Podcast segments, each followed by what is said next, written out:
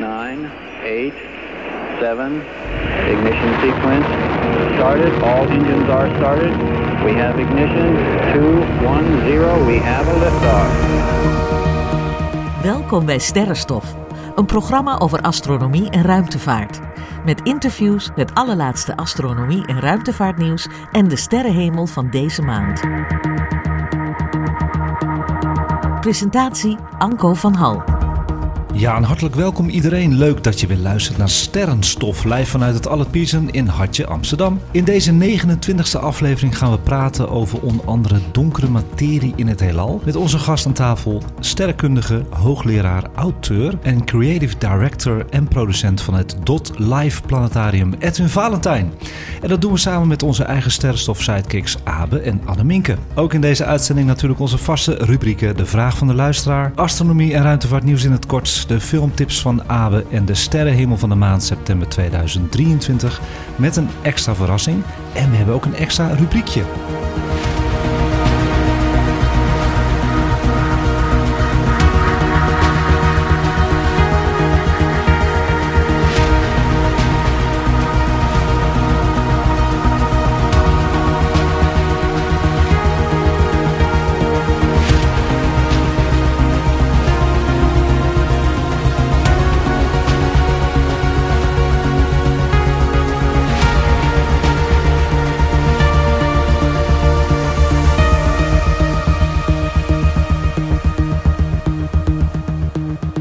Iedereen aan tafel en wat goed dat jullie weer aanwezig zijn bij alweer een hele fonkelnieuwe zomeraflevering van Sterrenstof. Leuk, Ja. volle bak ook weer.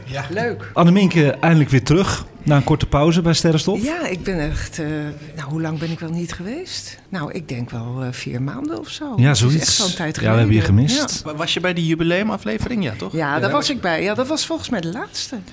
Ja, Ja. dat was de laatste. Dus, dus vier maanden geleden. Ja. Dat klopt. Ja, dat was met Hens Siemerman, iedereen. Iedereen was erbij. Ja, Ja. klopt. Abe, ook eh, echt letterlijk terug van vakantie. Want je bent vanochtend op reis gegaan naar het Allard Pierson Museum. Ja, ja, ik kom echt direct de studio in van... eh, Ja. Ik was nog even zeilen met vrienden in Zeeland. Wat een eer. Ja, nee, ja, ik wilde bij de opname aanwezig. Ik kan niet twee maanden afwezig zijn. Dat is niet de bedoeling. Dat was niet goed, hè? Nee, je was niet afwezig natuurlijk. Hè? Je was er eventjes eh, qua audio. Ja. Was je aanwezig vorige uitzending, maar je bent er gewoon weer lekker live bij, gezellig. De koffie staat op tafel, de taart staat op tafel en we hebben een hele grote gast, Edwin Valentijn. Een hele mond vol bij de introductie was dat, hè? Maar dan ben je ook echt welkom, Edwin. Ja, dankjewel. Fijn om hier te zijn. Ja, leuk dat je meedoet bij Sterrenstof. Ik ga je zo uitgebreid voorstellen aan iedereen. Maar we beginnen altijd met een volgende vraag. Zometeen kom je uitgebreid aan bod. En de eerste vraag die we altijd hebben, en eigenlijk is dat ook een rubriek. Ja, eigenlijk wel. Ja, toch. Wat hebben jullie aan de hemel gezien van de afgelopen maand augustus? En wat een maand was dat? Wie wil er beginnen? Ik wil best wel beginnen, want het was natuurlijk wel een enorm eh, interessante maand met eh, al die vallende sterren. Ja, de Perseïde. En, Perseïde. Ja, En eh, daar had ik me enorm op verheugd. Alleen, Maar, ik, ik heb er wat? niet één gezien. nee. Nee. Hoe kan dat? Nou ja, ik heb het eh, eh, privé heel erg druk. En eh, dan ben ik ontzettend moe. En dan ben ik eigenlijk te moe om s'nachts de wekker te zetten. Dat is ook een beetje luiheid misschien. Maar, en ik zit heel vaak in Lunteren, in het bos. Dat is heel lastig om dan naar boven te kijken. Ik heb, vorig jaar heb ik het geprobeerd inderdaad. Toen ook met de Perseïde. Ja, En toen had ik echt het punt ontdekt van... nou, daar moeten ze ongeveer eh, vandaan komen. ja. Toen heb ik er één gezien. Maar het is Ja, ja. gewoon te donker en te veel bomen. En je kunt niet echt lekker... eh, je- ja, je moet gewoon in het open veld zijn. Ja, je kan niet goed oriënteren. En je ziet ook niet de vallende sterren die bijvoorbeeld eh, niet in het radiant zitten. Maar die zijn er ook natuurlijk. Nee, precies. Maar ik, heb wel, ik ben wel in Frankrijk geweest. Ah, ja. En als je daar over de camping loopt, dan kijk je omhoog en denk je... oh ja, Melkweg. alles nou, zie dan heb je daar. toch wat gezien. Ja. Dat maakt niet uit welk want adres zie je in. Nederland bijna nooit meer. Nee. Omdat er Gewoon veel te veel vervuiling Ja, is. Ja. heb ik zo nog wat over te vertellen inderdaad, ja, over de Melkweg. En Abe, ja Abe, jij, eh, jij hebt toch wel de Perseïde gekeken? Ik heb zo mijn best gedaan, maar ik zat Wat? in... Ja, ja, ik zat in de... En dat is niet zeker niet verkeerd, maar ik zat in de, in de Italiaanse Alpen. Ja. En daar heb je natuurlijk prachtige sterrenhemels. Mhm. Maar in de periode van de Perseïde dat ik daar was... Mhm. was het gewoon alleen maar bewolkt. En dat, ja, ik Ah, baalde er echt van. Ik keek er heel erg doen. naar uit. Ja. Ik heb wel heel veel avonden, net als, net als jij, Anneminke... prachtige sterren gezien en de Melkweg gezien. Maar Ehm, nee, ik baalde dat ik de Perseïde niet heb kunnen ervaren. Ik heb wel een paar van de sterren gezien deze vakantie, maar Ja. het is, staat niet in verhouding met volgens mij wat anderen hebben gezien. Zit je mij aan te kijken, er komt een heel verhaal aan zo. Dat klopt, ik heb echt mijn best gedaan. En Edwin, heb jij nog een beetje omhoog gekeken afgelopen Ja, maand? nogal. Ja. Het is eh, Ja. voor mij een jaarlijkse trip. Ik eh, ga met een zeilcharter de Centa van Zoutkamp met eh, passagiers aan boord eh, de Wadden op. Wauw. voor de Perseïde. Dat is hem dan, hè? En eh, dan zoeken we het donkerste plekje op van de Wadden. Zo. En dat is eh, ten zuiden van Ameland. En dan gaan we naar Vanker. Ja, midden op zee. Waddenzee. Nou, Waddenzee, maar dat is toch ja, de zee? Ja, ja. En hoeveel heb jij er gezien dan? Nou, tientallen. Ja, hè? Ja, en dat was echt heel mooi. Dus dat is een, eh, natuurlijk een heel goed jaar. dat is goed, ja. En Geen weinig, maan. Weinig maan. En eh, nou, het is hartstikke donker daar. Niet zo donker als we zouden willen. Hè. We hebben daar ook het Donkerte-project in de, in de Waddeneilanden. Oké, en wat houdt het in? Om eh, nou toch de, eh, het stadslicht eh, zoveel mogelijk te dempen. Ja, En daar een bewustwording... Het is eigenlijk voornamelijk een bewustwordingsproces. ja. Om de gemeentes en de overheden te, bewust van te worden... dat er zoiets is als lichtvervuiling. Daar is een campagne voor. Ja, dat is een groot project te Wadden. Maar eh, we hebben de Melker ook goed kunnen zien daar. Ja, dus ja. Nou, dan ga ik even door op jou, want ik ben naar Dokkum gegaan. Naast Dokkum, ja, dat zit dicht bij Lauwersmeer natuurlijk. Dat eh, is lekker donker. Dus we zijn eh, op 8 augustus, ik met mijn hubby, naar de weilanden gegaan. We stonden verbaasd, want het eerste wat we zagen was de Melkweg. Nou, dat had ik al heel lang niet gezien. Ik zeg net tegen Annemiek eh, voor de uitzending, ik denk al 15 jaar niet meer de Melkweg gezien in Nederland dan. Dus het was heel mooi in Dokkum, wat jij ook hebt gezien, Edwin, op de Waddenzee. Dat was mooi, maar ook hebben we onze iPhone 13 geprobeerd om daarmee Perseïde te gaan vangen. En het is gewoon gelukt. Dus die iPhone 13 heeft gewoon, het is geen reclame hoor, ik krijg geen geld van, zoals maar waar. Maar dat ding zet je open op 30 seconden, op een timer, op de auto gelegd als statief. En dan een stuk of 25 foto's gemaakt. En die melkweg er fantastisch op. En eh, inderdaad, er stond op een gegeven moment per ongeluk een Perseïde op. Dat was de allereerste. Je had toch ook een foto gemaakt waar Andromeda op stond? Ja, nou dat is de vervolg eh, inderdaad. We waren verslaafd geraakt aan die Perseïde met die iPhone natuurlijk. Toen gingen we kijken, we waren alweer terug in Amstelveen waar we wonen. En eh, ja, daar is het dus helemaal niet donker. Dat weten we allemaal. Het is het slechtste plekje eigenlijk van Nederland. En toen gingen we kijken wat het donkste plekje nog was, eh, dicht bij Amstelveen. Vrij dicht. En dat zijn de plekken in de Flevopolder. Dus we zijn 35 minuten gaan rijden om 4 uur 's ochtends om naar een polder te gaan. En daar hebben wij inderdaad weer de Melkweg gezien. Dus dat was heel fijn voor ons. 35 minuten rijden valt wel mee. En dat was op 14 augustus. Dan zit je op het maximum. Nou, toen hebben we echt heel veel gezien. Maar 4 uur 's ochtends stond ook Jupiter in dat gezichtsveld. In het radiant. Wat zeg ik? Het spannend, hè? Maar ik vond het ook heel leuk om te doen. En ehm nou, iPhone erop gezet. Melkweg erop. En een hele grote Perseïde gefotografeerd. Die ook een staart had. Maar ook inderdaad, toevallig, de Andromeda-nevel eh, gefotografeerd met een iPhone. Ja, wie had dat ooit kunnen denken dat je dat met een iPhone kan fotograferen? Overal opgezet. Als mensen willen kijken naar die foto, dat kan. Dat is op de oranje augustus-knop op Instagram. Kun je gewoon al die foto's terugkijken. En het ziet er heel mooi uit. Nou hebben wij heel veel luisteraars van eh, Sterrenstof. Maar we krijgen dus heel veel feedback. En dat is zo ontzettend leuk, jongens. Ik ben elke dag bezig met eh DM'tjes te beantwoorden. En er was een man bij, dat is Kees Habraken. En hij noemt zichzelf dan op de e-mail Kees Meteor. Nou, dat heb ik geweten, want die man die heeft vier RMS-camera's, dat zijn meteorencamera's, op zijn dak geïnstalleerd. En hij mailde mij hele mooie foto's en bood mij aan om de meteorfoto's die ik gemaakt heb uit te pluizen. Dus de herkomst, de snelheid en alle details. Nou, dan word ik helemaal blij. Hè? Wauw, wat cool. Ja, eh, dus ik heb hem eh, die foto opgestuurd. Daar heeft hij een paar dagen over gedaan. En hij heeft die eh, ene meteor van de Flevopolder heeft hij op kunnen sporen. En alle gegevens heeft hij via camera's en Europese dingen... en weet ik veel wat, wat hij allemaal gedaan heeft... heeft hij dat eh, Meteor Anko genoemd. Dus ik heb een eigen meteor. Willen jullie de gegevens horen van Meteor Anko? Ja, het is niet te geloven dat dit mij overkomt, want het is voor mij natuurlijk heel erg leuk. De snelheid van Meteor Anko was 60,6 km per seconde. De tijdsduur van de eh, Meteor was 0,76 seconden. Het leek iets langer trouwens, hè, met blote ogen, omdat hij een staart gaf. Oh Maar ja. het was maar 0,76 seconden. De piekmagnitude, dan hebben we het over de helderheid van de meteor, was min 2,47. Dat klopt wel. Want dat is met het blote oog, eh, stond hij naar Jupiter. En Jupiter heeft dus ongeveer dezelfde magnitude. Dus het was heel leuk te vergelijken. De hoogte van de meteor heeft hij ook kunnen bepalen. beginpunt van de hoogte en het eindpunt. Is dat niet leuk? Ja. Nou, de hoogte van het beginpunt was 124,8 kilometer hoog.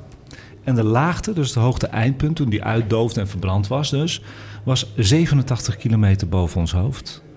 Dus 50 kilometer in 0,78 seconden. Nou, dat heb je heel snel uitgerekend.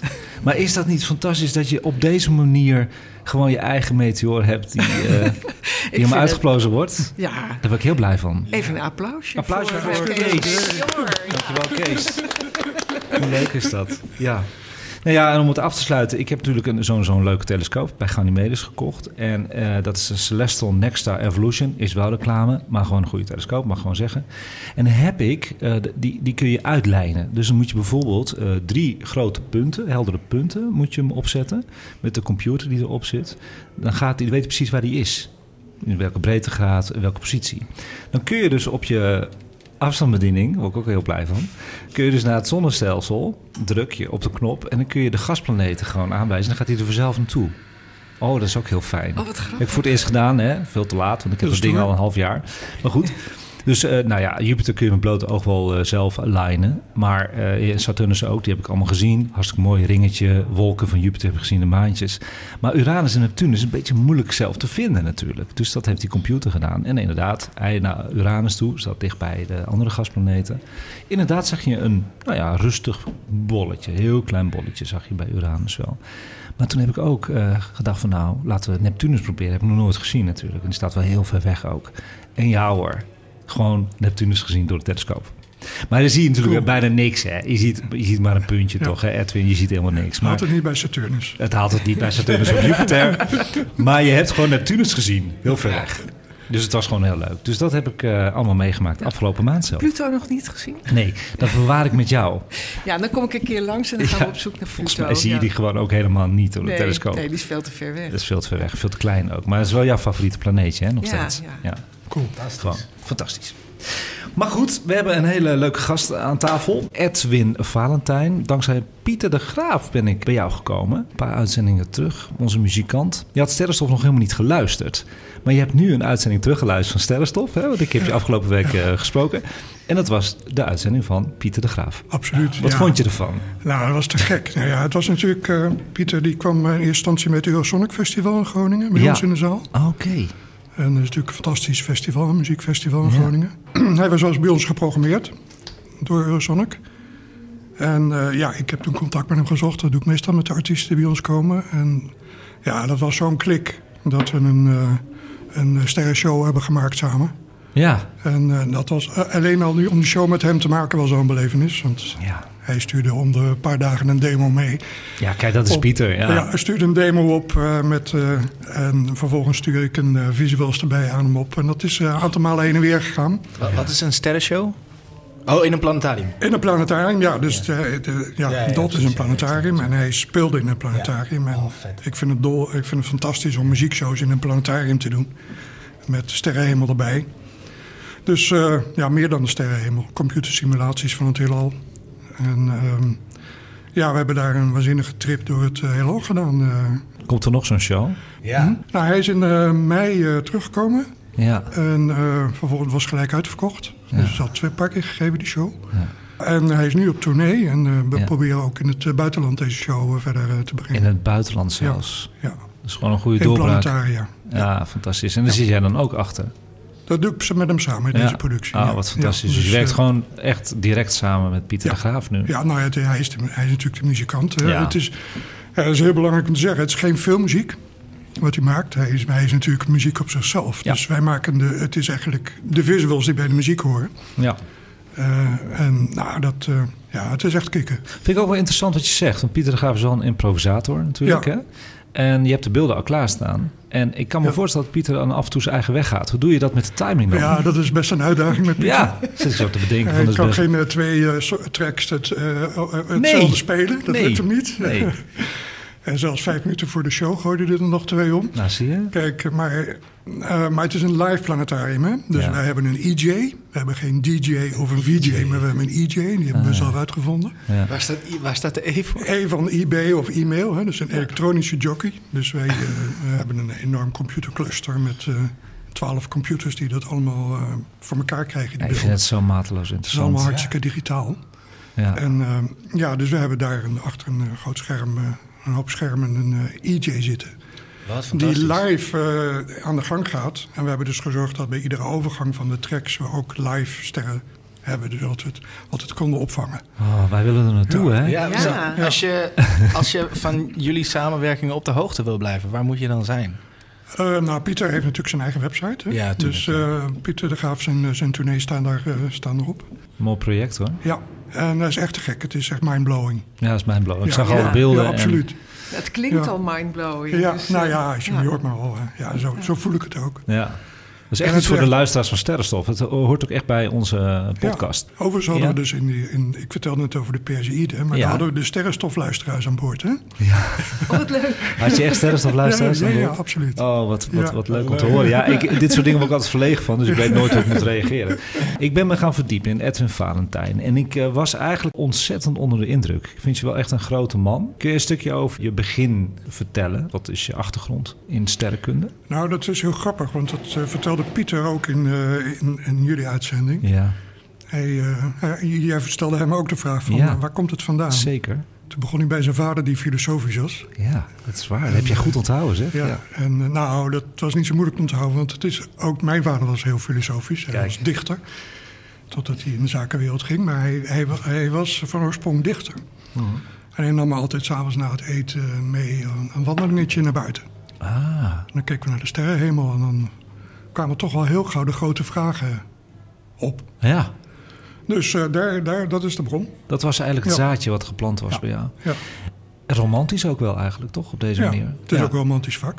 Het is een heel romantisch vak, ja. Dat wil ik ook echt naar voren brengen. Ja. Ondanks Sommige- al die computers en alles. Maar Ondanks dat- alle wetenschappen en saaie stof, wat het kan zijn, droge stof, is het eh, heel romantisch. En dat willen we ook eigenlijk zo houden bij eh, sterrenstof. Dus je past hier goed bij. Maar je bent gaan studeren Ja, in Leiden. ja, klopt. En welk jaar was dat? Eh, ik eh, ben uit de 60 jaren. hè? Ja. Dus eh, ik ben in de 60, wilde 60 jaren in Den Haag opgegroeid. Ja. En ben 69 in Leiden gaan studeren. Ja, dat is een tijdje Ja. terug alweer. Ja. Afgestudeerd, doctorandus geworden, Ja, hoogleraar geworden. ja en daar gepromoveerd in Leiden. Zeker, ja. En eh, En ook sterrenkunde gestudeerd, maar met een bepaalde focus richting iets? Of is het sterrenkunde op ja, zichzelf? want eh, de, de Westerbork radiotelescoop is, is in de 60 jaren gebouwd hè, in Nederland. En dat was voor mij ook wel een bron van inspiratie. Mhm. Eh, het was natuurlijk een heel grensverleggend project. Eh, Een waanzinnige grote telescoop, hè, 14, eh, toen 12 eh, schotels Zo, ja. in Drenthe, in Westerbork. En ja, dat, was, dat, dat vond ik al eh, ongelooflijk inspirerend. Hoe oud was je toen? Uh, ik middelbare schoolleeftijd, 16, ja. ja. Ik was allemaal een beetje erg jong met al dat soort dingen. Ja, maar wel fijn zeg, hé. Zo vroeg En- al in. Ja, en eh, ik wilde toen radioastronoom worden. En ik ben gepromoveerd op de radiosterkunde Ja. met de Westerbork telescoop. Dus eh, En dat gaat ook een beetje door in je carrière, hè, dat radio en dat meten. Je hebt meegewerkt aan een satelliet die naar boven is gegaan. En dat Ja. is op 1 juli gebeurd, hè? Dus Ja. nog niet zo lang Ja. geleden. Dit jaar? Dit jaar. Ja, net, wow. ja. Die satelliet, dat heette Euclid. Kan ik- Euclid, ja. Ja, Euclid Euclid satelliet. En jij bent erg gespecialiseerd in donkere materie en donkere energie. ja, Daar ben je op Klopt. gepromoveerd ook. Ja, het is eigenlijk een rode draad in mijn, eh, Zeker. mijn research. Ja. Zeker. En die Ja. satelliet heeft heel veel mee te maken. Kun je dat uitleggen? ja, dat is een eh, ingewikkeld verhaal. Hè? Ja, ja. Maar je begon over donkere materie. Ja. En eh, ik denk dat de luisteraars niet precies weten wat donkere materie is. Ik krijg er heel veel vragen over, Edwin. Dat wil ik Ja. even zeggen. En ik ben er al twee jaar mee bezig om daar een onderwerp over te krijgen. Maar hij is erg ingewikkeld. We doen het wel af en toe in sterrenstoffen. Hij heeft wel eens een filmpje ook, volgens mij, eh, voorgesteld, Abe, over donkere materie. Het is heel moeilijk voor te stellen, omdat het niet te zien is. Ja, maar, ik kan je verklappen, de astronomen weten ook niet wat het is. Nee. Ja, dus dat- eh, we hebben daar maar een naampje aan gegeven. Mhm. maar eh, ik kan- zo een beetje uitleggen hoe het zit. Maar Ja. in principe, donkere materie is, is een naampje. Je moet zoiets een naam geven. Ja. Maar eh, het is eigenlijk helemaal niet zeker of het materie is... of dat het een of andere rare kracht is. Of een energie. Ja. Ja, dus, eh, dus je moet je niet laten afleiden door de naam donkere materie. Het enige wat er donker aan is, is dat we het niet kunnen zien. Nee, maar het heeft wel een kracht, want daarom meten jullie het. Ja. Ja, maar want wat, wat ik zo ehm, fascinerend dan ook vind aan ehm, waar jij dan dus gespecialiseerd in bent, om het maar even zo te stellen. Maar is dat zo? Ben je daar gespecialiseerd in, in donkere Het materie? is een rode lijn in mijn Ja, een rode lijn. Dat eigenlijk hetgene waar je het meest van weet, is eigenlijk heel vaag. Of het, of het nou, ik zal niet zeggen dat het niet bestaat, want dat weten we natuurlijk. Dat is niet per se zo. Maar um, een soort van heel veel van je kennis ligt voor mijn gevoel dan rond iets wat heel vaag is. En dat lijkt me zo... Moeilijk? Ja, moeilijk of zo. Omdat, ingewikkeld? Ja, dat lijkt me zo ingewikkeld. daar doe je het voor, hè? Dat is de dus, uitdaging, denk ik de, dan. Dus de dat ontdekking is het filosofische van het, element. Ontdekking van het onbekende, de grote vragen. En uh, dat is natuurlijk ook je, de bron van inspiratie om, uh, om, om dat uit te vogelen. En, en uh, ja, dat gaat vanzelf hoor. Dat is niet dat iemand je dat zegt, maar dat voel je gewoon, dat doe je gewoon. Het is jouw drijfveer Je plezier in. Ja, precies, jouw passie. Dus ik voel me niet veel anders wat dat betreft als een, als een schilder of een kunstenaar. Nee, nee, nee. Dus, dat, dat, dat, dat ja. Nee, het is eigenlijk een hele filosofische manier van uh, wetenschap bedrijven dan. Ja, ja ik, dat is in ieder geval de, de drive, vind ik wel, voor mij persoonlijk. Je hebt het toch voor elkaar gekregen dus, want dan gaan we even terug naar die ruimtetelescoop. Hè? Ja. Die Euclid, om het voor elkaar te krijgen om zoiets te founden, om naar boven te krijgen. Ja. Dat is, daar zit jij achter, de founding ook ja, volgens ik ben mij. De founders. founders. Dus mensen geloven wel in de donkere materie, anders krijgen ze zoiets niet naar boven. Nou, we weten zo, sowieso dat het bestaat. Hoe weten wij dat het bestaat, Edwin? Ja, dat is een goede vraag. En uh, het begon eigenlijk met uh, roterende spiraalstelsels, sterrenstelsels. Ja. Um, waarvan de buitengebieden, de sterren in de buitengebieden, zoals jij het over Pluto net hebt, Ja. dus dat is het buitengebied van ons zonnestelsel. Zeker. Maar de sterren in sterrenstelsels hebben ook buitengebieden. En die sterren die draaien veel te hard om, de- om het centrum heen.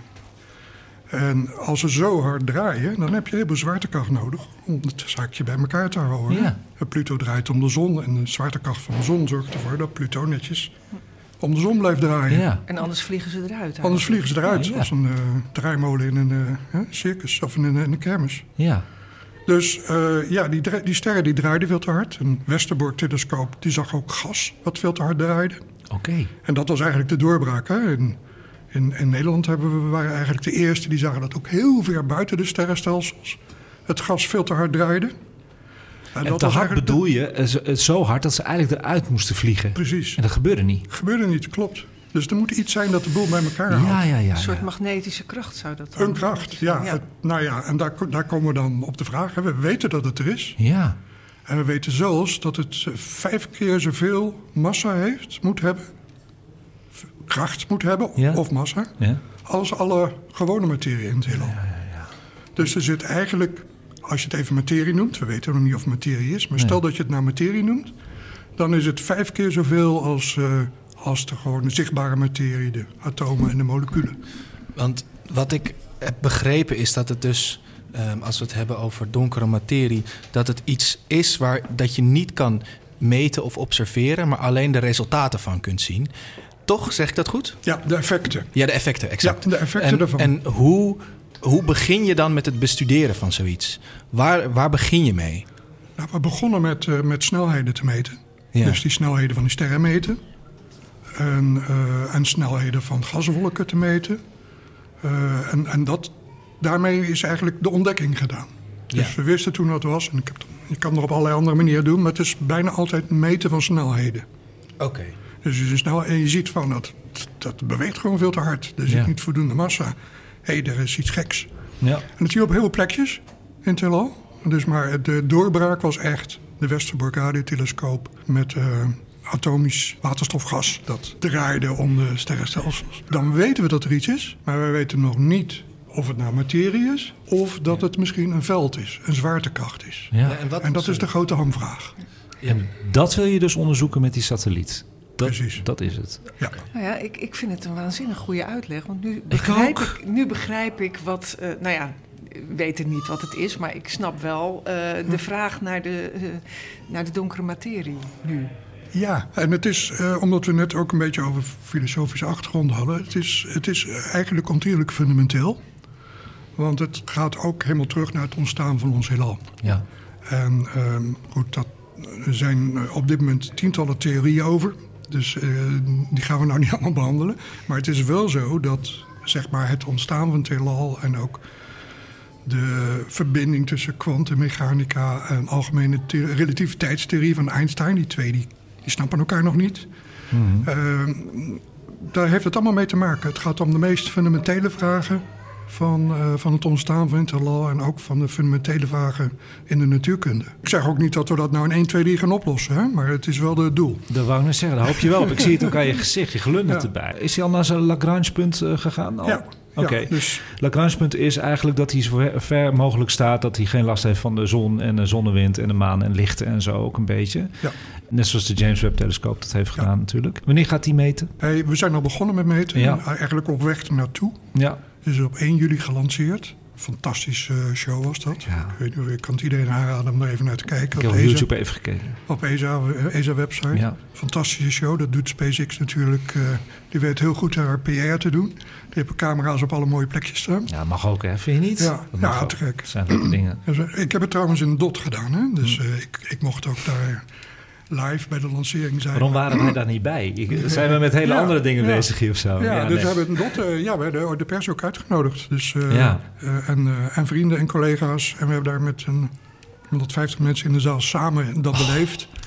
Wauw. Dus dat was echt Dat was sterrenstof. Ja. Ja. dat was heel erg sterrenstofachtig. Ehm, ik wil nog heel even doorgaan hierop. Want het is blijkbaar... Het is eigenlijk een soort enigma, dat donkere materie. Iets waarvan men weet dat het bestaat... maar het is nog nooit echt Tastbaar gemeten, gemaakt. toch? tastbaar gemaakt. Ja. Ja. Toen Hubble ontdekte dat eh, de Melkweg... niet het enige zonnesterrenstelsel is in het universum... eh, gebeurde er iets met de mentaliteit van de mens, weet je wel. Dat zorgt voor, ik weet niet wat het Nederlandse woord is, een paradigm shift. Dus iets waarvan, je, eh, waarvan de mensheid beseft... oh, dit heelal zit anders in elkaar dan hoe wij tot nu toe naar, naar alles hebben gekeken. Denk je dat dat iets doet met hoe wij naar het universum kijken? Dat is eigenlijk mijn vraag. Ja, dat denk ik wel. Want waar, want waar geeft het Ehm, antwoord op? Eh, nou, uiteindelijk geeft het ook het antwoord op het ontstaan van ons heelal. Ja, oké. Dus waar we komen vandaan. En ook nog even een beetje waar gaan we naartoe. Ja. Maar vooral waar komen we vandaan. Dus het, het is eigenlijk het is een link met, de, ja, gewoon, wa- Met ons bestaan. met ons bestaan. En dus, eh, dat aarde geen platte pannenkoek is waar je vanaf valt. Maar, eh, en dat hij om de zon draait. Ja. Maar ook dat wij, wat onze plek in het heelal is. Ja. En waar het heelal vandaan komt. Dus jij kan echt niet wachten op die resultaten. Ja, nou dat gaat wel even duren. En hoe lang gaat dat duren? Dus ehm, ja, dan, dan moet ik. eh, het gaat. eh, nou, we verwachten wel binnen de, de eerste twee jaar de eerste resultaten. Oké, ja. En Dat valt het wel is mee. Een, Dat het valt is een mee. missie van vijf jaar. Een missie van vijf had ik inderdaad Ja. ook gezien, ja. ja. Ja. Kunnen we na vijf jaar, kun je niks meer met dat ding dan? Nou, na vijf jaar hebben we zo ontzettend veel data verzameld. En daar moet je heel lang over doen om dat allemaal eh, te begrijpen. Nou ja, het is. en maar dan moet ik ook uitleggen wat Euclid precies gaat doen. Dat is wel een beetje een ingewikkeld verhaal. Eh, maar Euclid gaat eigenlijk van eh, miljarden sterrenstelsels meten wat een vervorming is. En, eh, maar je weet niet eens hoe ze eruit zien. Van oorsprong. Maar ze worden vervormd ten ten gevolge van de reis van het licht door het heelal. Ja. Onderweg komen ze andere sterrenstelsels tegen. ja. Die vervormen het licht een beetje. Dus die vervormen het beeld daarachter een beetje als een lens. Ja. Dat zie je bij de James Webb Ja, telescoopfoto's. precies. Je kunt er ook eh, hele mooie plaatjes van zien van de zogenaamde sterke lenzen. Ja, zie je die bogen, hè? Zie je dan? Ja, hele mooie bogen. Maar er is ook zogenaamde zwakke lensvorming. Dus dat is ook een rond sterrenstelsel. Ehm, onderweg het licht een heel klein beetje ver- verbogen wordt. Ja. En dan wordt hij een heel klein beetje elliptisch. Ah ja. Maar je weet niet eens hoe die er voor oorsprong uitziet. En daar willen jullie achter komen. Dus de enige manier om dat te kunnen doen, is statistiek. Zoveel mogelijk maar kunnen data kunnen vangen als je maar kunt. En dat is eigenlijk de missie van de satelliet. Eh, daardoor is het ook een big data project. Wij werkten eerlijk gezegd al aan big data voordat het woord was uitgevonden. Want we zijn hier al heel lang mee bezig. Techniek werkt. We hebben het op de grond gedaan in Chili. Eh, met een speciale camera. Ehm, ontzettend veel data. 100 petabyte aan data. Hoeveel mensen gaan daar aan werken, Edwin? Ehm, ja, dat is een. eh, eh, we hebben in het consortium, het Euclid Consortium, dat is dus de dozijn landen die Ja. daar mee betrokken zijn, hebben we op dit moment 2700 geregistreerde medewerkers. 2700? Ja, Echt een ja. Oh, ik had Nou ja. een paar honderd verwacht, dat had ik al oh gezegd. Nee, maar nou echt. als je ziet hoeveel data er verzameld worden, dan Ja. heb je ook heel veel mensen Wauw, te nodig. gek, eh, Dus het zijn natuurlijk, daar zitten een, eh, zeker een 800 ingenieurs bij, hè, die dus de instrumenten hebben al gebouwd. veel En- niet. maar ja, het is nu heel erg booming. Dus eh, Ja. het is voor. Ehm, naast donkere materie kan Euclid nog veel meer, omdat je zo ontzettend veel beelden maakt en zo het hele heelal fotografeert. Ja, inderdaad. Want ik zie hier dat wil zeggen dat men tot 10 miljard jaar terug in de tijd kan kijken. Ja, klopt. 10 miljard jaar terug in de Ja, tijd. dat is de crux van Euclid. Waarom waarom gaat, kan Euclid dat nou anders doen dan, dan wij van de grond? Ja. En dat is omdat we heel ver weg kijken, heel diep, heel veel. Maar we doen eigenlijk, we snijden het heelal in plakjes. Mm. Zeg maar een dozijn plakjes. Dus net zoals een tomografie of een PET-scan of een MRI-scan... Mhm. eh, maken we dus een, eh, snijden we het heelal in eh, een, een, stu- een stuk of twaalf plakjes. Oké. En dan gaan we kijken hoe die donkere materie zich eh, in de loop van de tijd verandert. Dus per stukje ga je kijken ja, en en dan de verschillen Oké, En pakken. dan ga je, begin je bij de achterste en dan Ja, dan ga je kijken hoe het, zich, hoe het vormt. Oké, mooi uitgelegd. Ja. En dat is eigenlijk eh, ja, dat is de, de, de, de grote truc van Euclid. Om dan te kijken van hoe het vervormt. En dan de verschillende modellen. Je kunt er sowieso een heleboel modellen mee uitsluiten. Ja. Maar, eh, eh, en hopelijk kunnen we het goede model pinpointen. ja. Verzamelt deze satelliet vooral eigenlijk alleen maar data of worden er ook foto's gemaakt? Ja, hij maakt alleen maar foto's. Oké, ja, Foto's, precies. foto's, foto's. eh, achter elkaar maar door. Oh, wat 24 uur per dag. Daar houden we wel van. Hè? Daar, daarom zie ik Aal alweer lachen. Dat was het antwoord dat je moest geven. Iedere plekje van de hemel doet hij, eh, doet hij, zit hij ongeveer vier- 4000 seconden. En dan maakt hij een dozijn foto's. En die combineren we dan. Goede belichting hoor, 4000 seconden. Zo Ja, anders dat dan een 30 goede belichting. seconden. Ja. En ik, ik kan me voorstellen dat je voor het eh, ervoor zorgen dat deze telescoop er komt, moet je met een concreet ding komen van dit is wat we willen hebben aan het einde van het project.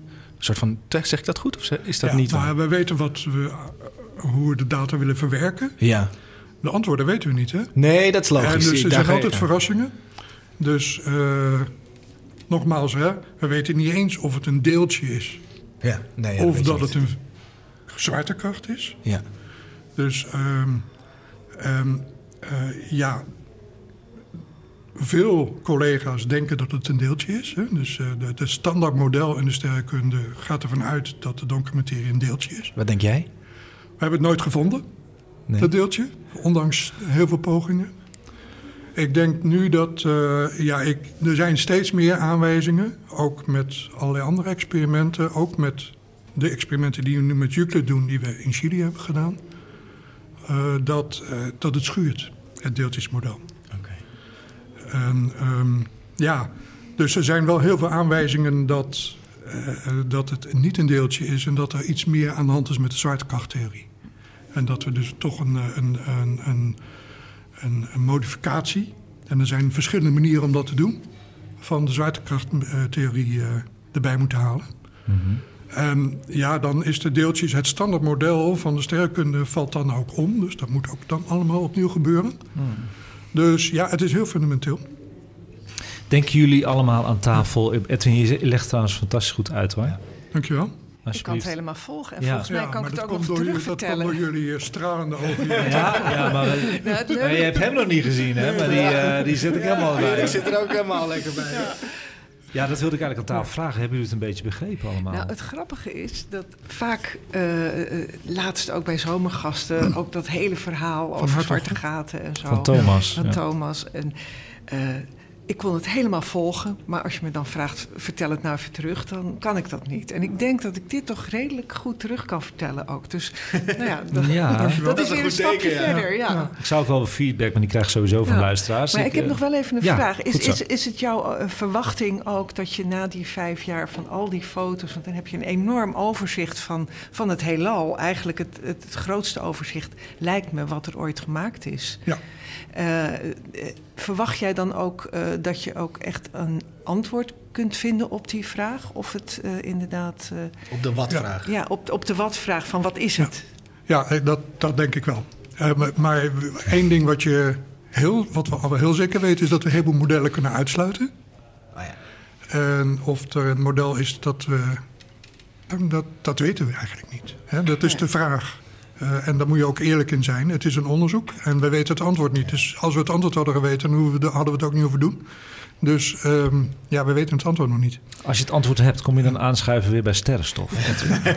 Het is in de wetenschap altijd. Heb je een Heerlijk. antwoord en dan heb je weer een nieuwe vraag. Dit Ja. gaat verder, want het zou een revolutie kunnen veroorzaken. Maar het kan ook net zo goed zijn dat de deeltjestheorie of het standaardmodel bevestigd wordt. Dus Ja. eh, Ja. eh, dan weten we nog niet waar we vandaan komen. Maar eh, Nee, maar dat blijft Ja. spannend. En we blijven nog vijf jaar Ja. doorgaan met sterrenstof. Dus we komen er gewoon achter. Ja, ja, Nou, had je een boek meegenomen. Je eigen boek. ja. Mag ik die eens zien? Ik ben Ja. heel erg benieuwd. Moet ik even opstaan? Ja? Leuk. Ik vind het echt zo mega boeiend. Ja, ik ook. Ik ben helemaal Wow, blij. yo, zeg. Zullen we hier anderhalf uur eh, over praten gewoon? En dan je rubrieken weggooien. Hop, wegwezen. Precies, ja. Nee, Ja. Ik hang aan zijn lippen. Ja. Ja, ik vind het heerlijk. Ja. En eindelijk op het goede moment donkere materie behandeld. Hè? De boeken heb ik voor me liggen. Op mooie boeken trouwens, mooi hardkaft ook. The Powers of Two. Wanneer is die uitgekomen, Edwin? Eh, twee jaar geleden. Met hele mooie foto's erbij. Waar gaat het boek over? Het is een koffietable boek, hè? korte teksten. Ja, is prachtig. Ja, iedere pagina's eh, zijn, zijn apart lezen, leesbaar. Ja, Ehm, Kijken. ik moet zeggen, het is een beetje een niche boek. De- er zitten eh, eh, ook eh, veel collega's die eh, een stuk schrijven. oké. Ik heb al die stukken ook samen met hun geschreven. Maar het- het is een ingewikkeld boek. Ingewikkeld boek. Ja, het is een ingewikkeld boek. Maar ik zie Ik wel... proberen ingewikkelde dingen zo makkelijk mogelijk te maken. Ja, met een voorwoord van Robert Dijkgraaf, zie ik. Ja, Ja. daar was ik heel trots op. Want ik kende hem niet eens persoonlijk, maar eh, ik heb hem toch gevraagd. En tot mijn grote verbazing had hij het nog gelezen ook. Ja, Wat leuk. ja. Ja, maar als die ingewikkeld is... eh, er zijn ook uh, sterrenstofluisteraars die eh, heel erg van ingewikkeld houden. Dat weet ik. Nou, Powers of Two is toch wel... Ik vertelde net dat hele verhaal van... eh, van eh, we gaan de kosmologie doen Ja. hè, met de Euclid-satelliet. En tegelijkertijd hebben we ook heel veel data nodig. En eh, dat is eigenlijk voor mij eh, in de loop van mijn eh, loopbaan... een hele bron van inspiratie geweest. Dat we enerzijds met onze rechterhand bezig zijn... om de grote filosofische vragen te doen. Ja, En met de andere hand zijn we heel erg bezig met de digitale revolutie. zo. Ehm, ehm, en de grote verbindenis tussen die twee is eh, informatie. Dus het boek gaat eigenlijk over de rol van informatie in de natuur. Ja. Denk maar even aan DNA. Ja. We weten allemaal, DNA is, zijn we van gemaakt. Maar we weten ook dat je het kan scannen. Ja, En dat is puur informatie in de natuur. zeker. Nou, en zo kan je eigenlijk een heleboel eh, dingen in de natuur en in de fysica... ook in de vorm van informatie beschrijven. Ja, ja. En ehm, dat is eigenlijk het hoofdthema van het boek. de essentie van het boek. En dan ga ik dus langs alle machten van twee... Ja. En eh, voor mij was het een ontdekking toen ik begon met 2 tot de macht 0. Weten jullie wat het antwoord is van 2 tot de macht 0? Nee. Ehm, Ah, we 2 proberen. tot de macht 2 is 4. vier. Ja. 4. Ja. 2 tot de macht 0, Nul. 1. Eén. Ja, dat is heel raar Oh iets. ja, inderdaad. Dat Dat leer je gewoon hele, op de middelbare school. dat is een hele gekke iets, vind ik. Waarom is 2 ah, tot de macht 0 nou 1? Exact, ja. Nou, dat is het begin van het heelal. Ah, dat is Ja, het een- gaat. Nu weten we het. Het ligt echt inderdaad op de lijn tussen, tussen filosofie en, en... Nou, ik wil niet zeggen dat dat twee totaal verschillende dingen zijn, filosofie en wetenschap. Daar ligt het echt tussen, dit boek, volgens mij, toch? Precies op die lijn. Ja, er staat ook zelfs een Hegel-hoofdstukje. in. Oké dan. Ja. Ja, Wetenschap is gewoon heel veel filosofie. Ik Ja. weet dat mijn vader aan het promoveren was en, eh, Ja. eh, op gewoon een heel eh, concreet onderwerp. Maar op een gegeven moment zei van eigenlijk word ik steeds filosofischer. Ja, gewoon ja, hoe verder ik ja, in het onderwerp kom. En, eh, Nou, ja. dat hoorde je bij Hartog bij zomergasten ook al, hè? Zeker, Ja. zeker. ging daar ook heel ver in. Ik vind het altijd heel gevaarlijk dat je op een gegeven moment... Wetenschap is natuurlijk enerzijds fantasie, hè? want je moet een stuk fantasie hebben om vooruit te komen. Ja. Anderzijds moet je jezelf natuurlijk ook controleren hoe ver je gaat met je fantasie. Ja, zeker weten. En dan, da- da- daar stuiten we altijd op hoor, bij Sterrenstof. Want Ja. dan eh, ga ik de vraag van de luisteraar beantwoorden... en eigenlijk is het ook geen eens een antwoord. Ja. Dat is altijd zo een beetje hè, bij ons. Ja. Maar dat hoort ook wel bij. Het geeft ook wel de verwondering weer van eh, sterrenkunde en astronomie en kosmologie. Je hebt een extra boek voor de luisteraar. Ja. Wat moeten ze doen om een eh, boek te winnen bij ons? Want het is gewoon wel lekker winnen hoor. Wat kunnen ze doen? Hebben jullie een idee? De beste vraag? Ja, de beste, De beste vraag, over ja. donkere materie? Ja, dan sturen we die dan Ja. naar jou op. eh, Mag jij Edwin, kijken? En dan, eh, Ik denk het niet ter plekke hoor. Ja, nou, dat, is- dat is het nee, ik vind het een goeie. Ja. Ja. Oké, bij deze. Dus luisteraars, als jullie dat hele mooie boek eh, willen winnen... ik ga er zo een foto van maken, staat op Instagram ook. Powers of Two, je kan hem ook googlen. Kun je winnen, prachtig boek. Beetje ingewikkeld, met hele mooie foto's, maar daar houden we van. Dus wat is de beste vraag eh, over donkere materie? Die mag je opsturen naar sterrenstofnieuws.gmail.com... of gewoon DM'en, wat heel veel mensen doen op Instagram, mag ook. En dan stuur ik het weer door naar mijn sidekicks. Die vinden het allemaal leuk. Of inspreken. Oh, ja, inspreken is ook leuk, jongens. Ja, dat is een goede avond. Dat vinden we leuke audio, hè? Ja, inspreken mag ook. Stuur ik het door naar Edwin. We, houden toch, we gaan eh, vijf jaar lang sowieso eh, contact houden, jij en ik. Ja, ik hoop dat we over twee jaar de eerste tipjes van de sluier kunnen Ja, opnemen. dan zijn we er wel. mooi. hoor. Dan Ja. zijn we er wel. En ehm, als, als je hem nou niet wint, hè, Ja. waar kan je hem dan kopen? Nou, hij ligt hier wel in eh, Noord-Nederland in de boekhandel. Oké. Dus dat komt goed. The powers of two. Mooi hoor, Echt jongens. cool. Je kan er altijd om vragen. Ja. Goed zo. Super. Dankjewel Edwin voor dit. Een mooi verhaal hè jongens. Ja, Ehm, echt super Daar vet. zijn we heel blij mee. Eh, blijf lekker eh, hangen bij ons. Je krijgt zo nog een koffie erbij. En we gaan wat rubrieken doen. En iedereen heeft daar een aandeel aan. Maar eerst dus de vraag van de luisteraar. En die is ingestuurd door Arnoud Kistjes. Hallo Anko en Team Sterrenstof. Mijn hond Sirius en ik hebben een vraag en die gaat over de planeten en manen in ons zonnestelsel. Als ik naar een plaatje van bijvoorbeeld het oppervlak van Mars kijk, dan staat het vol met namen. Maar wie bedenkt al die namen van gebieden, bergen, kraters, vulkanen en valleien? Succes en veel plezier met de podcast. Nou, dankjewel Arnoud. En eh, allereerst wat een leuke naam Wat die een hond. leuke naam voor je hond. Sirius, leuk. Ik heb mijn hondje ooit Leila genoemd. eh, afleiding van Laika, de eerste hondje in de ruimte. Maar goed, hij vraagt dus wie bedenkt alle namen van gebieden, kraters, bergen, valleien, etc. op andere planeten en manen. Het heeft heel veel plezier gegeven om dit uit te zoeken, Arnoud. Want het is een hele leuke vraag, want dat wist ik niet. En jullie denk ik ook niet wie dat bepaalt. Geen idee. Kijk, vaak worden deze namen dan gekozen die verband houden met eh, mythologie, ontdekkingsreizen, wetenschappelijke pioniers of eh, culturele referenties, dat weten we. Het proces van het bedenken van namen voor geografische kenmerken op andere planeten en manen is gereguleerd door de International Astronomical Union, de IAU. Een internationale organisatie die verantwoordelijk is voor het benoemen van astronomische objecten en hun kenmerken. De IAU heeft een specifieke commissie genaamd, de Working Group for Planetary System Nomenclature, die verantwoordelijk is voor het coördineren van de naamgevingsinspanningen voor oppervlaktekenmerkingen op planeten. En het algemene overzicht van het proces is het volgende. Willen jullie dat eh, weten? Stapjes, vier stapjes zijn dat. Je hebt de eerste stap is verkenning en identificatie. Dus wanneer een ruimtevaartuig een nieuw hemellichaam verkent en gedetailleerde beelden en gegevens zendt, worden verschillende kenmerken zoals kraters, bergen, valleien, inslagbekkens enzovoort geïdentificeerd. Dat is stap 1. Stap 2 is de voorstel van namen. Nou ja, we hebben al de Anko-meteor. Dat, is, eh, dat was maar twee stappen volgens mij. Staat hij daar al geregistreerd? Ja, hij staat geregistreerd inderdaad. Wetenschappers, onderzoekers en soms het grote publiek kunnen namen voorstellen voor deze geografische kenmerken. Deze voorstellen moeten meestal voldoen aan bepaalde richtlijnen die zijn vastgesteld door IAU. Ik denk niet dat die van mij er doorheen komt. Dan heb je stap 3, de beoordeling en selectie. De Working Group for Planetary System Nomenclature evalueert de voorgestelde namen en beslist welke namen dan geschikt zijn volgens de vastgestelde richtlijnen.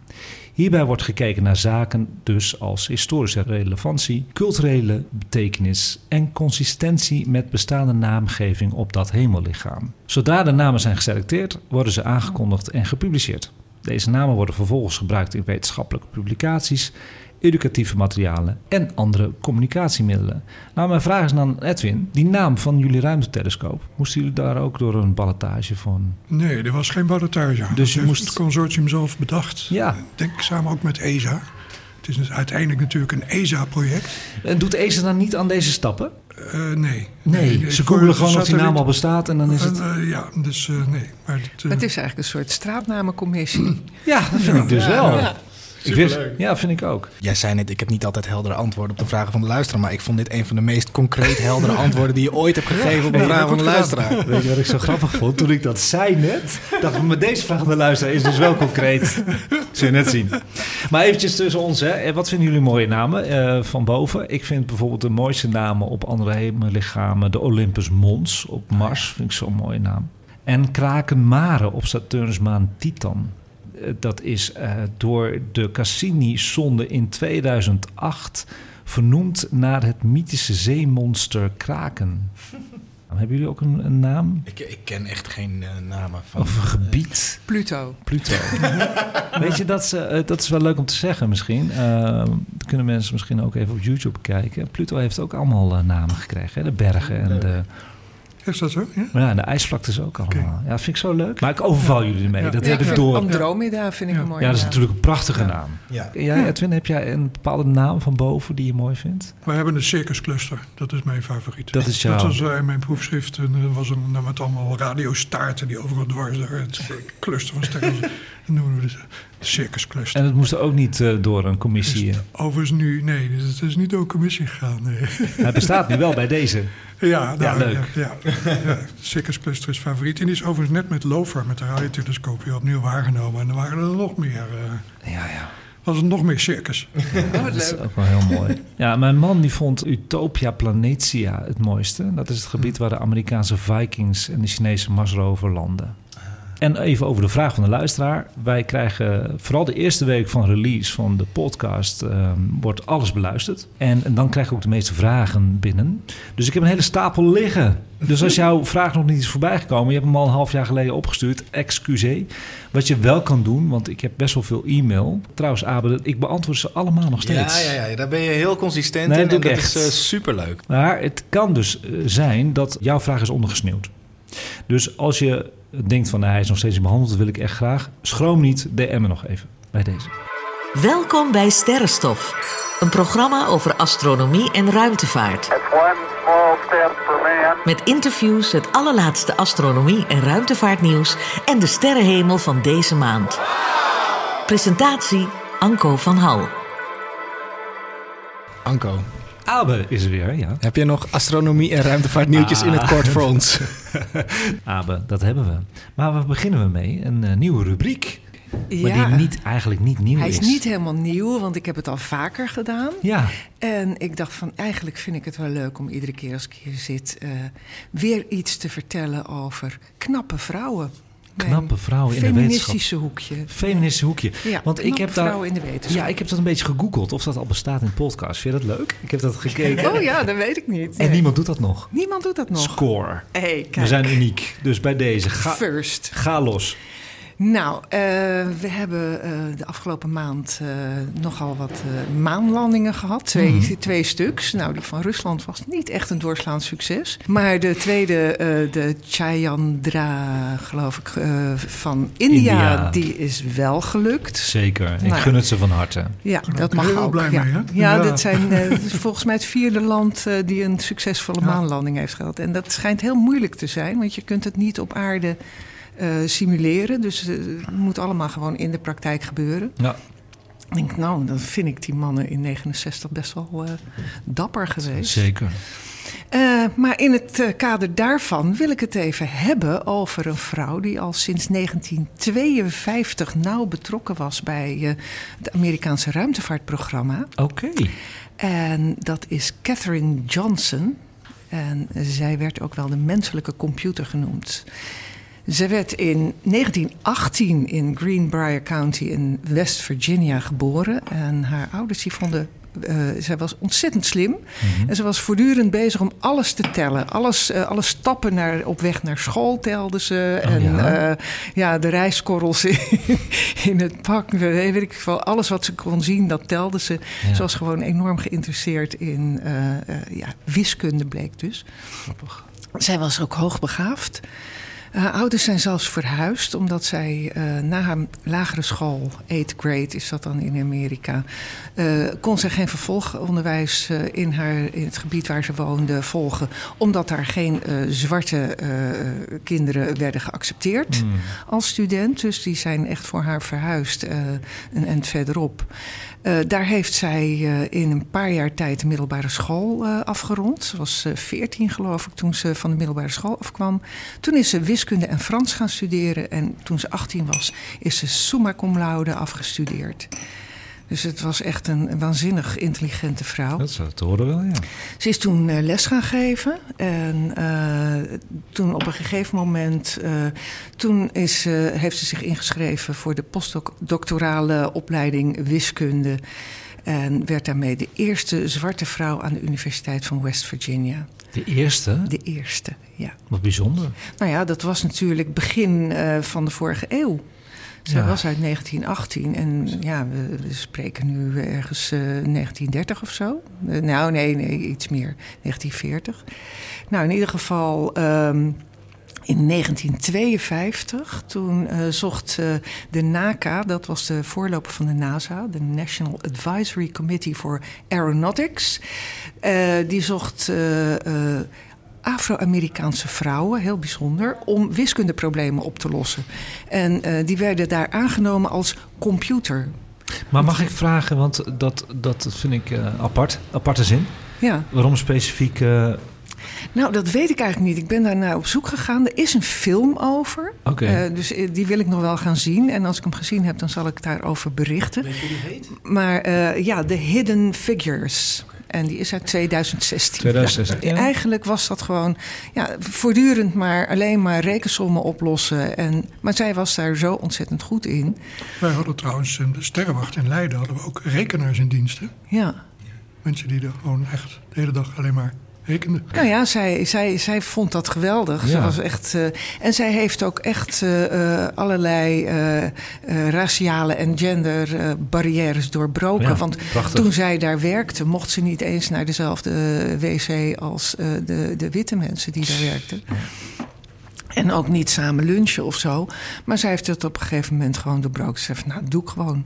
zeker. En in 1958 begon de ruimterace echt. Klopt. En eh, toen, is zij, eh, toen heeft zij berekeningen, de berekeningen uitgevoerd om Alan Shepard als eerste mens eh, de ruimte in te schieten. Dat heeft zij gedaan. Dat heeft zij gedaan.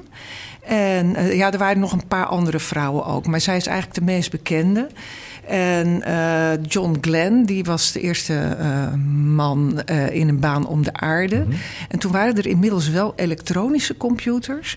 Maar Glenn die had daar niet zoveel vertrouwen in. Die, wilde, die eiste echt dat zij alle berekeningen nog eens een keer zou controleren. Joh. En pas als ze dat gedaan had, dan had hij voldoende vertrouwen In de om computer. in de menselijke computer, ja. En dan, pas dan had hij voldoende vertrouwen om in die raket te stappen. Ja, ja. Mooi, en, eh, ja, en ze was ook betrokken bij de eerste maanlanding in 69. Heeft ze ook eh, de berekeningen voor gedaan. En de Apollo 13, eh, die is bijna gecrashed. Hè? Er was een zuurstoftank, is daar ontploft. En toen heeft zij eh, de backup eh, berekeningen gedaan...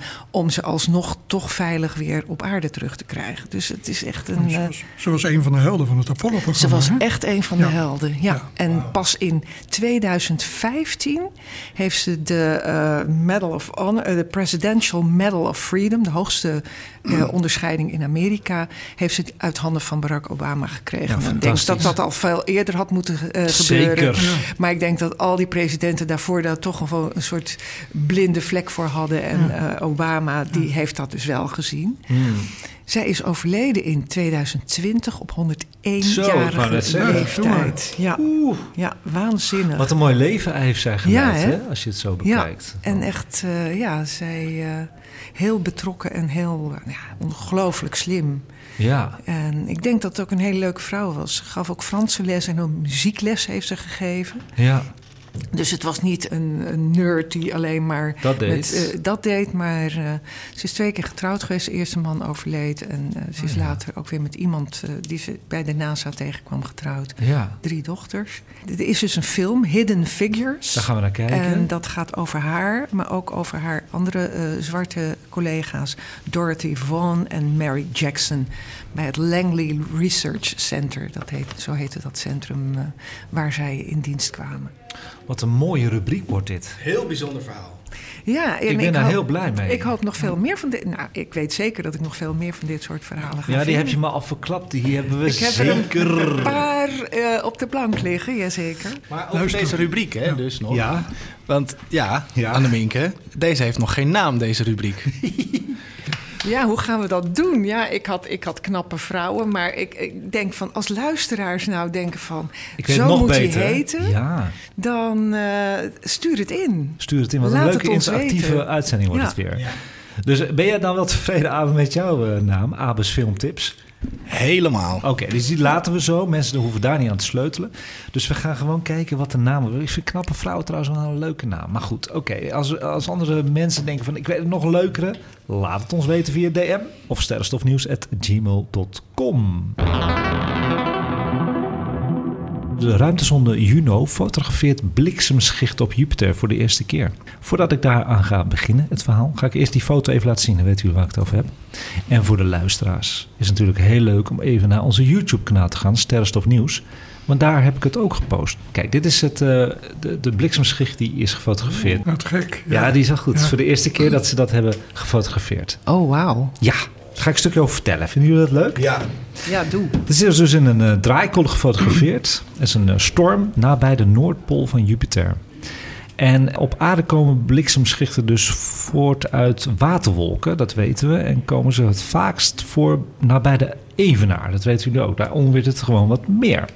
Terwijl de bliksem op Jupiter waarschijnlijk ook voorkomt in wolken die een ammoniakwateroplossing bevatten. En dat is het vaakst te zien nabij de polen, dus niet bij de evenaar bij Jupiter. In de komende maanden zullen Juno's banen hem herhaaldelijk dicht bij Jupiter brengen, terwijl het ruimtevaartuig de nachtzijde van de gigantische planeet passeert. Wat betekent dat we nog meer mogelijkheden zullen zien voor Juno om bliksemschichten op hete daad te fotograferen. Dit beeld, wat we net zagen en wat jullie allemaal op YouTube kunnen bekijken, eh, was vastgelegd op 30 december 2020. Op het moment dat de onbewerkte opname werd gemaakt, bevond Juno zich ongeveer 32.000 kilometer boven de wolkentoppen van Jupiter. Dat is best wel hoog. Dat is best een end weg. Het tweede nieuwtje is de ruimtesonde New Horizons is nu zo ver weg dat het de ware duisternis van het universum kan meten. En we hebben het al over gehad en Edwin zit te knikken ook. Er is ook in ons zonnestelsel nog ineens de ware duisternis vastgelegd. Zelfs jouw instrument wat naar boven is gegaan heeft nog steeds last van lichtvervuiling. Ja. Jij knikt, ja, hè? ja. Ja. Ja, Het achtergrondlicht eh, Ja. we, we- we- meten we ook, zien we ook. Ja. Dat zie je Maar- ook, hè? Ja, klopt. Maar dat is op allerlei plekken in heelal. Maar eh, vooral als je naar clusters kijkt, dan zie je ook tussen alle sterrenstelsels nog allerlei licht zitten. Heel veel licht. Dus de lichtvervuiling is Ja, er overal. Ja, ja, klopt. Maar de New Horizons die gaat nu een gebied tegemoet, dus buiten ons zonnestelsel, waar het echt donker kan zijn. En kunnen we voor het eerst echte donkerte gaan meten. Daar was ik me niet van bewust. Want wij denken allemaal dat het echt donker is waar de James Webb is en de Hubble. Nou, de Hubble al niet meer. Misschien ook die van jou. Ja, klopt. Maar dat is dus niet zo. Ja. Ze gaan de New Horizon richten op een stukje hemel ver weg van de Melkweg, weg van de zon en weg van heldere sterren. Vervolgens meten ze hoeveel licht de camera heeft vastgelegd. Toen ze die hoeveelheid vergeleken met de hoeveelheid die werd vastgelegd door Hubble's zicht op de donkere hemel, ontdekten ze dat deze naar verwachting donkerder was. Maar er is nog steeds een zwakke gloed die astronomen niet kunnen verklaren. Daarom is het team dus van plan de komende tijd 15 andere donkere locaties te observeren. In de hoop het naakte donker van de kosmos te zien. Vind ik ook wel een mooie zin. Naakte Naakte donker. donker van de Ja. kosmos. Heel spannend. We hebben nu drie nieuwtjes gehad, hè, inclusief de rubriek van eh Annemink. Maar we gaan altijd door op Instagram, helemaal door met nieuwtjes. En dat doe ik via Instastory. En eh, daar had je ook kunnen vinden, onder de oranje augustusknop weer terug te vinden... dat er na een week radiostilte weer contact is gemaakt met de Voyager 2. Want dat was even weg Ja. door een fout van eh, het team op aarde. Jij knikt ook, eh, Edwin, jij wist dat dus ook. Ja, ik had het ook meegekregen. Ja, ze hebben weer contact. Daar zijn we blij dat is om. mooi, hè? Als je meer over wil weten, ga even naar Instagram Insta Story. Nog een nieuwtje. Optische illusie gefotografeerd door de James Webb telescoop. Wat eruit ziet als een vraagteken, dus een letterlijk vraagteken, roept eigenlijk nog meer vraagtekens op. En dan hebben we het eigenlijk over die buigingen die jij ook bedoelt. Het is een vraagteken, hè? het is een sterrenstelsel, die de vorm heeft van een vraagteken. Ik heb hem niet gezien. Nee, maar ja, dat zijn verbuigingen, optische illusies. Kun je ook even bekijken via Instagram.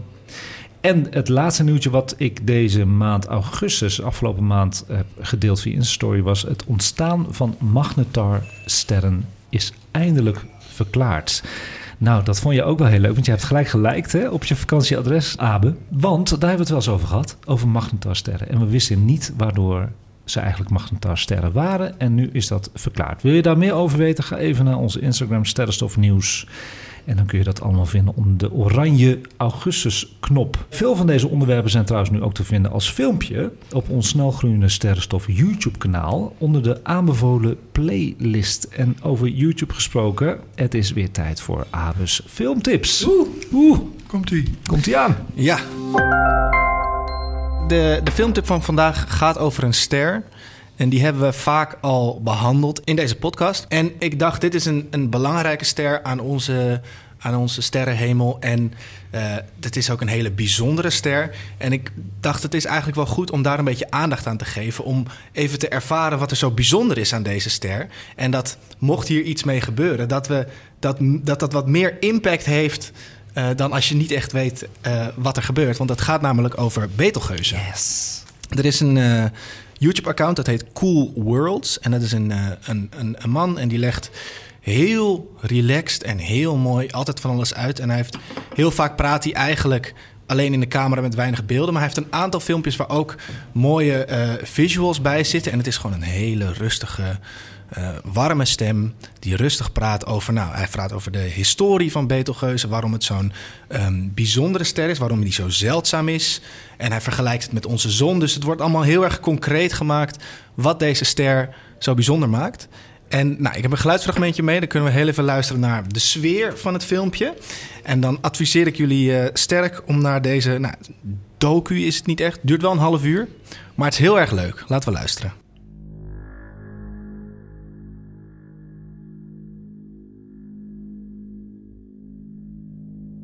One of the closest massive stars to the sun is acting weird. Betelgeuse recently dimmed down to just one third of its usual brightness. What could be causing this irregular behavior? Could this mean that it's about to explode? Grab a cup of tea and settle in, because today we're going to be taking a deep dive into everything happening with the enigmatic Beetlejuice. Beetlejuice. Look up towards the Orion constellation, and you'll find this infamous star at the shoulder of the mythological hunter. Also known as Alpha Orionis, it's easy to spot being the 10th brightest star in the sky. At least, usually, it's the 10th brightest. You see, over the last few months, astronomers have noticed something strange about this star. It's now about one third as bright as usual, something noticeable by eye. In fact, it's now been demoted to the 24th brightest star. To understand what's happening, we first have to talk about some background about this star. Because you see, what makes this dimming particularly interesting is that Betelgeuse is no ordinary star. No. In fact, for example, it is far, far younger than our own Sun. Whilst the Sun was born from the gravitational collapse of an ancient giant molecular cloud some 4,600 million years ago, Betelgeuse was probably born just 10 million years ago. Dit uh, gaat nog een half uur door en met allemaal mooie data. En ik vond ook, want ik ken de ster, maar ik wist niet, hij legt ook uit hoe zeldzaam die ster eigenlijk is. Ga lekker kijken, droom lekker weg met een kop thee, zoals hij dat zegt. Ja, en, uh, dus dat is spannend. Spannend. Ja. Heb jij nog een leuk feitje over Betelgeuze? Nou ja, dat hij gaat ontploffen is... Uh, ja, dat is, is mega waarschijnlijk, spannend. Waarschijnlijk, maar het kan ook miljoenen jaren nog duren. ja. Maar het kan ook Morgen. overmorgen ja. ja precies. Ja, dan implodeert hij toch? Sterren ontploffen toch niet echt? Die, die imploderen Beide toch? tegelijk. Het gaat naar binnen en naar Ja, buiten. Ja, ja, dat is oké. het. ja. Ja. Uh, een mooi filmpje, Abe. Dat is superleuk. Superleuk, goed zo. Nou, dan gaan we naar de laatste rubriek, uh, jongens. Het gaat best wel snel eigenlijk, ja. vind ik. Misschien is dat een goed teken. We gaan naar de sterrenhemel van de maand september 2023.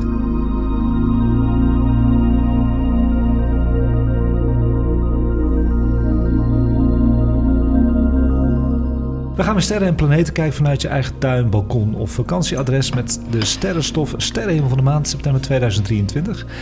En ja, jongens, uh, ik ga jullie natuurlijk de volgende maand weer overhoren, hè, wat jullie ervan gezien hebben. Dus jullie krijgen altijd huiswerk van mee. En we beginnen altijd met de planeten. En er zijn deze maand gelukkig maar liefst vier planeten met het blote oog zichtbaar. En één planeet vrij gemakkelijk met een verrekijker.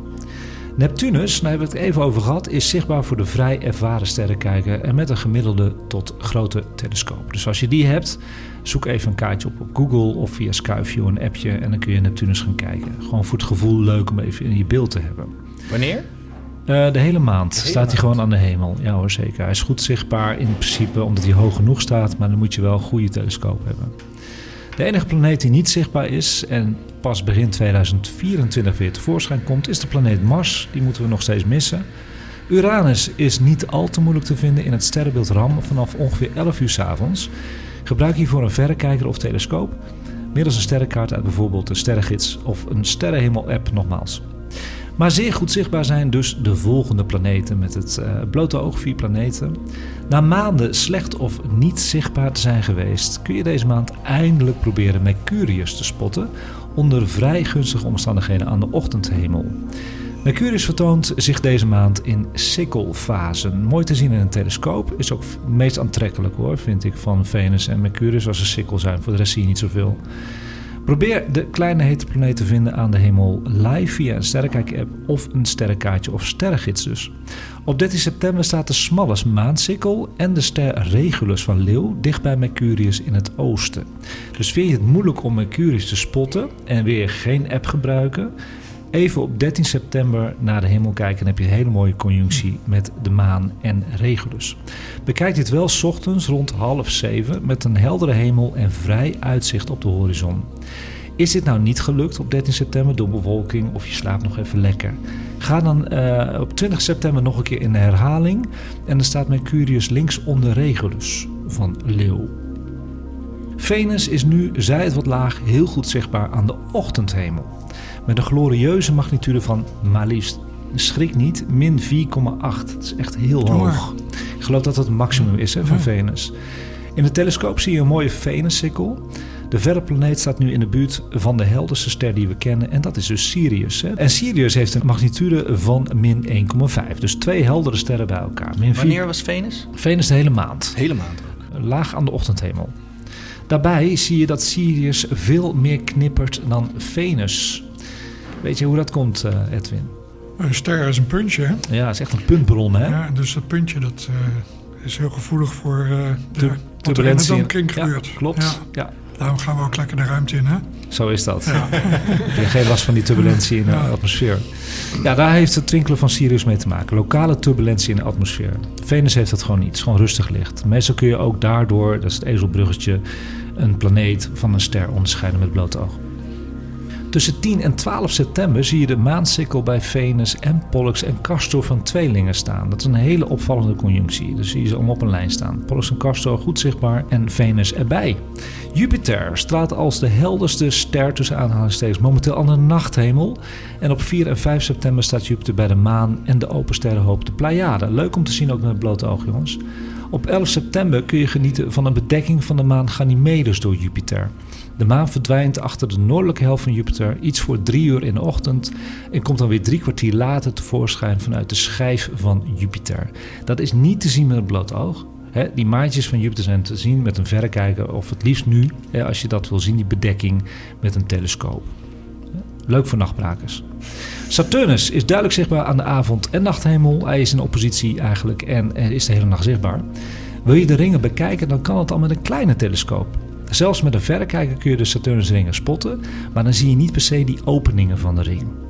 Probeer op 12 september de maan Titan van Saturnus eens te spotten in je telescoop. Nou, wat valt er nog meer te zien aan de hemel? En dat is die verrassing. Dat zijn jullie al natuurlijk weer vergeten, die cliffhanger. En ik ook bijna. Maar bij de introductie van deze podcast 29 zei ik dat ik een verrassing had. Ja.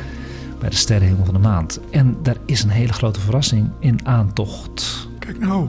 Kijk Ik ben benieuwd. Ja. Er is net een nieuwe komeet ontdekt. Ach. Oh, wauw. En dat is komeet Nishimura. Dat is een hyperbolische komeet. Een hyperbolische komeet is een komeet met te veel energie om vast te blijven zitten in het zonnestelsel. Het zal ons dus maar één keer bezoeken, waarbij de zon fungeert als een katapult van zwaartekracht. Dat snappen jullie wel, hè, denk ik. Waardoor de komeet na zijn scheervlucht dus terug de ruimte in raast. Nooit meer teruggezien. Dus deze is, nee, komt nooit meer terug. Deze is dus zeldzaam, maar het heeft ook iets spannends. De Japanse amateur-astronoom Hideo Nishimura ontdekte het pas op 11 augustus 2023, dus afgelopen maand. In de sterrenbeeld Tweelingen. En hoewel het dus op dit moment relatief zwak is, magnitude plus 9, zou komeet Nishimura binnenkort meer dan 100 keer, let wel, helderder kunnen worden om half september een object met het blote oog te worden. Zo snel gaat dat. Ja, en dan wordt die magnitude 4 als ik het goed begrijp. Ja, hè? als het goed- 9 ja. 100 is... eh, Ja. Wanneer, wanneer was dat dat hij goed te zien is? Eh, 16 september en 18 september nadat hij eh, de zon eh, dichtst. Maar dan is hij al heel laag aan de horizon. Dus eh, ga daarvoor even kijken. Hou even het nieuws in de gaten. Hou Google in de gaten. Maar vooral hou sterrenstof in de gaten. Want ik ga dat toch echt- wel delen. Het kan zelfs een komeet worden met het blote oog. En die eruit gaat zien als Neowise van een paar jaar geleden. Kon je ook met blote oog zien. En dat wordt een mooi fotografeermoment en een blote oogmoment. Het leuke van interstellaire kometen, dus die één keer voorbij komen, die zijn heel weinig gesmolten door de zon. Dus die hebben nog heel veel stof en gassen die die staart kunnen maken. En dat zou betekenen dat deze heel helder kan worden. Mis de kans is niet om het te zien. Download een sterrenkijk-app zoals Starwalk of Sky Tonight, vind ik ook een goeie. Die kan je helpen om die komeet te vinden. Ga ik trouwens ook doen hoor, want die komeet is best wel moeilijk te vinden. Maar er zijn ook al sterrenkaartjes beschikbaar waar die komeet op staat. En die kan ik je sturen digitaal als je wil. Dan doe dat even een, een vraagje via DM op Instagram of via sterrenstofnieuws.gmail.com. Mocht je de komeet nou spotten, ik heb ook wat fotografen, astrofotografen, eh, die eh, luisteren naar Sterrenstof. Stuur het gewoon lekker op naar Sterrenstof en ik deel alles op Instagram. Dat was de afsluiter en het verrassingje die ik had nog voor de sterrenhemel van de maand 2023. En dan wil ik eigenlijk nog even afsluiten, Edwin, voor het volgende. Waar kunnen ze jou vinden? Want ik zag ook dat je een hele mooie YouTube-kanaal had. Ja, we hebben een eh, YouTube-kanaal dat heet Information Universe. Ja, Dus eh, veel Het- belangstelling voor. goed zo. Interessant genoeg Ja. om daar naartoe te gaan. Vond ik wel Ja. even leuk om even mee af te sluiten. En nu we toch over sterrenhemel hebben. Nou? We hebben ook een sterrenhemel in Groningen als het bewolkt is. Ja, dat Ja. is het Dot Live Planetarium. Ja. We geven er iedere woensdagavond een publiekshow. Wordt gegeven door onze masterstudenten of promovendi. Elke woensdag. Elke woensdagavond. En eh, dat zijn, we hebben een stuk of acht shows. Daar is iedereen natuurlijk ook van harte welkom. Waar kunnen we naartoe om daar aan te melden? Dot Groningen. De Groningen. website van Dot Groningen kan je het programma zien. Wat leuk, mijn dochter woont in Groningen. Dus Kijk, eh, nou, ik ga ja. het meteen aan haar doorgeven. Het is heel populair in Ja. Groningen. Maar in ieder geval de woensdagavond hebben we een, eh, een vaste avond voor sterrenhemel. Mooi, goede Ja. tips. Leuke Ja. afsluiting vind ik dat een keertje Ja, zo. Op deze manier.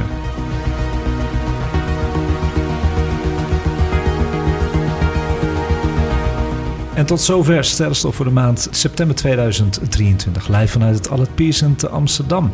Je kunt mij mailen voor vragen, opmerkingen en tips over astronomie en ruimtevaart op sterrenstofnieuws.gmail.com.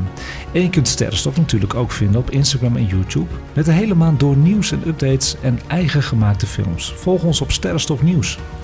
Terugluisteren kan altijd via alle bekende podcastplatformen. Deze podcast werd mede mogelijk gemaakt door Ganymedes Optische Instrumenten te Amstelveen, de telescopenwinkel van Nederland. En ik wil iedereen bedanken die aan tafel zat, Abe, Annemink en Edwin, voor de medewerking van deze leerzame en weer gezellige aflevering. Techniek was in handen van Erik, dankjewel Erik. En de heerlijke koffie werd weer verzorgd door het café Albert Pierson. Iedereen bedankt voor het luisteren en voor het anoniem doneren aan onze Sterrenstof Fooiepot. Dat waarderen wij enorm. Tot de volgende keer weer iedereen en kijk eens wat vaker omhoog.